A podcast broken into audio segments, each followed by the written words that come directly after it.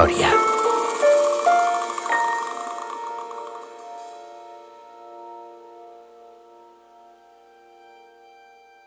Hi ha tres modalitats artístiques que sempre les mencionem plegades. Pintura, escultura i arquitectura. Pel que fa a la pintura i l'escultura, segur que de seguida podem pensar en quadres molt famosos o escultures molt conegudes que formen part de la història de l'art. I fins i tot en coneixem els autors. La Mona Lisa de Leonardo da Vinci, el David de Miquel Àngel, el Guernica de Picasso... Però si parlem d'arquitectura, l'art de dissenyar i construir edificis, la cosa canvia, oi que sí? Doncs aquí a Catalunya hi va néixer un dels arquitectes més famosos del món. Un home a qui la gent de la seva època no en tenia gaire. Perquè, per exemple, aquí se li acudeix fer un edifici sense ni una sola paret recta. Aquí li passa pel cap cobrir tota una façana de trossets de ceràmica trencada – molts es pensaven que estava xalat i es burlaven de les seves idees. I en canvi, avui dia, milions de turistes de tot el món visiten Barcelona per veure els sorprenents edificis que va crear. Aquest arquitecte va fer història. El seu nom? Antoni Gaudí. A Reus, l'any 1852, hi va néixer un nen a qui li van posar Antoni. Era el petit de cinc germans i venia d'una família d'artesans. Des de ben petit, l'Antoni va tenir una salut molt delicada.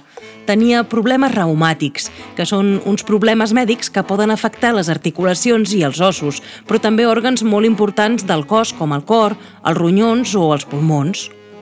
Els metges van recomanar que el nen fes molt repòs, això li va impedir portar una vida normal per a un nen de la seva edat, ja que, per començar, no podia jugar amb els altres nens i no podia anar a l'escola com la resta. Hi ha cap cura per aquesta malaltia, doctor?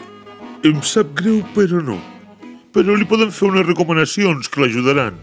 Digui, digui, què ens aconsella? Els recomano que l'Antoni faci una dieta vegetariana i que passegi de tant en tant, li anirà bé. Els seus pares van decidir que el millor per al nen seria que visqués fora de la ciutat i es van instal·lar a Riudoms, on la família tenia una masia. I seguint els consells dels metges, l'Antoni va créixer sent vegetarià i, com que no podia anar a l'escola, cada dia caminava uns quants quilòmetres. Aquests passeigs els feia per l'entorn del poble i li agradava molt observar la natura. Es fixava en tots els detalls i es passava hores mirant les formes dels arbres, les plantes i les flors, els animals... També passava llargues estones al taller del seu pare, que era artesà calderer. Era una passada veure com s'ho feia per transformar el coure en tota mena de recipients. Pare, me n'ensenyaràs? I tant, va, vine, que m'ajudaràs. Vols que fem una caldera? Podem fer la forma que vulguem amb el coure? Sí, és clar. Doncs fes un llangardaix. Eh, És, és millor que comencem amb una caldera eh? i després ja veurem. Quan es va trobar millor, va començar a anar a l'escola i arribava cada dia a llum d'una somera. Tot i que era un nen molt intel·ligent, cosa que veien els mestres, en haver començat a l'escola més tard que la resta de nens de la seva edat, sempre va arrossegar una mica de retard en els estudis. A més, de tant en tant, encara faltava algun dia més per problemes de salut. I quan era a classe, es distreia fàcilment mirant la natura que tant li agradava per la finestra. El batxillerat el va fer al Col·legi dels Escolapis de Reus i allí va mostrar els seus dots de dibuixant. Tenia tanta traça que li encarregaven que dibuixés ell les decoracions de les funcions teatrals escolars. Quan va acabar el batxillerat ja tenia 18 anys i havia de triar quina carrera volia fer i va escollir arquitectura. Per tant, es va haver de traslladar a Barcelona. Em sembla molt bé que vulguis fer arquitectura, molt, molt bé, però no et podem acceptar, Per què? Perquè has suspès les proves d'accés. Encara no tens els coneixements bàsics per fer arquitectura. Doncs estudiaré molt i, i em tornaré a presentar d'aquí a no res. Però no va ser tan ràpid com ell es pensava. Tres anys li va costar superar les proves d'accés. Li costava molt concentrar-se en l'arquitectura clàssica, perquè ell, al cap, ja hi tenia estructures impossibles, plenes de línies corbes, totalment influït per la seva passió d'observar la natura. Però, finalment, als 21 anys, va poder entrar a estudiar arquitectura. No era un estudiant gaire regular i tampoc no treia gaires bones notes, perquè es distreia fàcilment amb tot el que li interessava. I sempre que podia anava a veure espectacles a la ciutat. Això sí, fet tot un dandy, amb roba cara, barret de copa i guants. Als seus treballs i projectes de carrera, ell ja projectava formes molt diferents de les clàssiques. Antoni, Antoni, Antoni, el treball consistia en dissenyar unes simples columnes per fer un edifici i tu no n'has fet cap de recte. És que al meu món no hi ha estructures millors que les formes naturals, com, com l'esquelet humà o el tronc d'un arbre. Però no et puc aprovar. Volia unes columnes rectes clàssiques. Posi'm la nota que vulgui, però les meves estan tan ben fetes i, i a més són precioses. Finalment, i amb 26 anys, bastant més tard del que hauria volgut, va aconseguir graduar-se.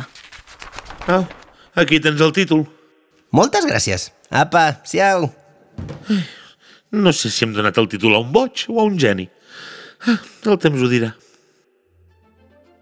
Va començar a treballar de delineant d'altres arquitectes i també a fer algun projecte propi. I tot i que era boníssim dibuixant, gairebé mai feia plànols de les seves obres. Preferia construir maquetes tridimensionals. Sempre que podia, estava a peu d'obra i li encantava tocar els materials amb les seves pròpies mans per veure si se li acudien idees noves per fer les coses. Com que havia passat tant de temps al taller artesanal de la seva família, coneixia la feina d'escultor i sabia treballar el ferro, la ceràmica, el vidre i la fusta. Per tant, Gaudí no sols dissenyava edificis, també les seves decoracions, mobles, rajoles, fanals, xamanelles... Experimentava constantment i canviava les coses mil vegades. Això feia que entregués les seves obres molt tard i feia enfadar als clients. Però després quedaven meravellats amb el que havia fet. Als 31 anys ja era un arquitecte prometedor. Havia enllestit pocs projectes propis, com la Casa Vicenç a Gràcia, però n'hi havia hagut prou per impressionar la gent. I és en aquest moment en què li van oferir rellevar l'arquitecte de la Sagrada Família, que havia dimitit per desavinences amb la Junta d'Obres del Temple. Gaudí va acceptar i de seguida va veure que aquella podia ser l'obra magna de la seva vida. Així que va presentar el projecte i... Però que t'has tornat boig? Això és impossible. Per què? És massa colossal. Trigarem molts anys a tenir-la acabada. En aquest projecte jo treballo per Déu i el meu client m'ha dit que no té pressa. I serà molt alta. Menys que la cota de la muntanya de Collserola, Per què aquest límit? perquè l'obra de l'home no ha de superar l'obra de Déu. La Junta d'Obres del Temple va acceptar i van començar les noves obres de la Sagrada Família, ara sota la direcció de Gaudí. Per aquell temps, Gaudí va conèixer Eusebi Güell, un aristòcrata barceloní que es va fer amic seu i es va convertir en mecenes. Li van encarregar el Parc Güell. Havia de ser una urbanització de luxe amb 60 cases enmig d'un jardí grandiós. Li agradava treballar per a Güell perquè li donava total llibertat perquè fes el que volgués. La burgesia catalana al·lucinava amb les obres de Gaudí. Gairebé sempre per a bé, però de vegades el criticaven. Era massa estrany allò que feia. Finalment, el projecte del Parc Güell va ser un fracàs. Només va fer tres cases de les 60 que havia projectat i es va acabar transformant en un parc públic. Seguia obsessionat amb les formes de la natura. Quan es trobava davant d'una complicació estructural pensava com s'ho fa la natura per aguantar aquestes estructures? I trobava solucions que podia aplicar als seus edificis, coses que no s'havien vist mai. S'atrevia a innovar, sense tenir en compte què en pensarien els altres. Perquè us en feu una idea, el Palau Güell tenia 40 tipus de columnes diferents. El 1904 va començar a treballar a la Casa Batlló. Es tractava de reformar totalment una antiga casa convencional.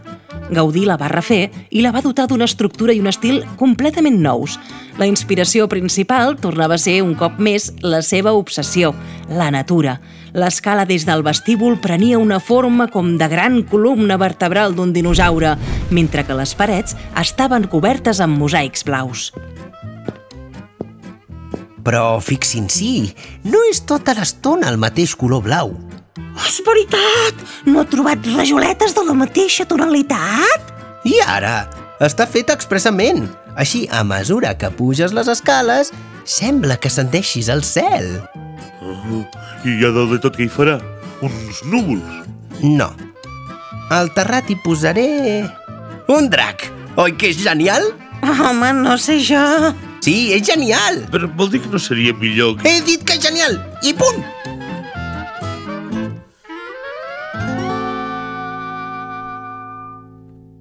El 1905, el matrimoni Milà-Sagimon, un matrimoni molt ric, va comprar un xalet al Passeig de Gràcia i el van derrocar per fer-hi un bloc de pisos.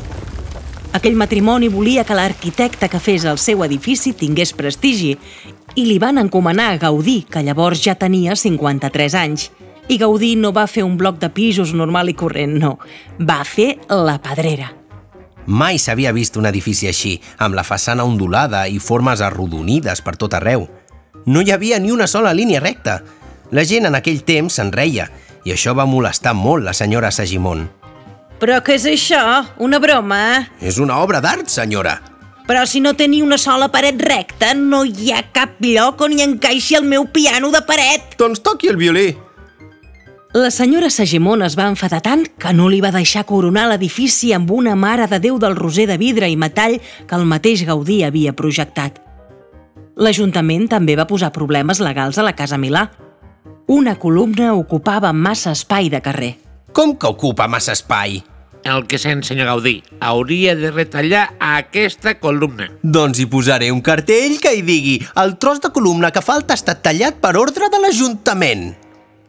Al final, Gaudí, fart de tantes queixes, va deixar el projecte i els Milà van decidir no pagar-li la darrera bestreta dels honoraris. Això a Gaudí li va saber molt de greu, ja no pels diners, sinó pel seu honor.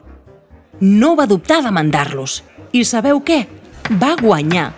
I perquè veiessin que era una qüestió d'honor i no de diners, va donar els diners a la caritat. Va estar vivint en diferents pisos del centre de Barcelona i a l'Eixample, fins que el 1906 es va traslladar al Parc Güell, en una d'aquelles tres cases que havia construït feia anys, i es va dedicar al 100% a la Sagrada Família. Tant l'obsessionava la construcció del temple que va anar a viure a l'obrador de la Sagrada Família, entre plànols i maquetes. Cada dia anava a visitar les obres i, si l'haguéssiu vist pel carrer, segur que no hauríeu dit mai que aquell home era Antoni Gaudí, tenia algunes manies en la vestimenta. En lloc de cinturó, duia una corda per lligar-se els pantalons, imperdibles en comptes de botons. O no es canviava mai de roba fins que quedava feta un parrac de tant usar-la. Vol dir que no podria anar més ben vestit? Què és més important, la meva roba o els meus edificis? Home, els seus edificis... Doncs eh, fixis amb els meus edificis i no amb la meva roba. El 7 de juny de 1926, Gaudí, que ja tenia 73 anys, caminant pel carrer en direcció a l'església de Sant Felip Neri, va ser atropellat per un tramvia. L'impacte el va deixar molt mal ferit, amb algunes costelles trencades i una hemorràgia interna. Anava vestit amb parracs i no duia documentació a sobre, i el van dur a l'hospital pensant que era un indigent. Però allà un capellà de la Sagrada Família el va reconèixer. Aquest home és Gaudí? El gran arquitecte. Eh, dis disculpin, disculpin, l'han de portar a un centre privat. Moure'l és el pitjor que podríem fer, mossèn. El seu estat és molt greu. I realment estava molt mal ferit. Dos dies després va morir i finalment va ser enterrat al seu gran monument inacabat, la Sagrada Família. Antoni Gaudí va ser un geni sovint incomprès, un home que va dissenyar uns edificis que van fer que molta gent s'enrigués perquè no els entenien, perquè eren massa transgressors. Avui dia, la figura de Gaudí és considerada la més important del modernisme català. La seva obra és tan important que la UNESCO té declarats vuit dels seus edificis com a Patrimoni de la Humanitat i són visitats i admirats per milers de persones d'arreu del món cada any. Aquell a qui molts van considerar un boig va acabar sent un dels grans arquitectes de tots els temps. Antoni Gaudí va fer història.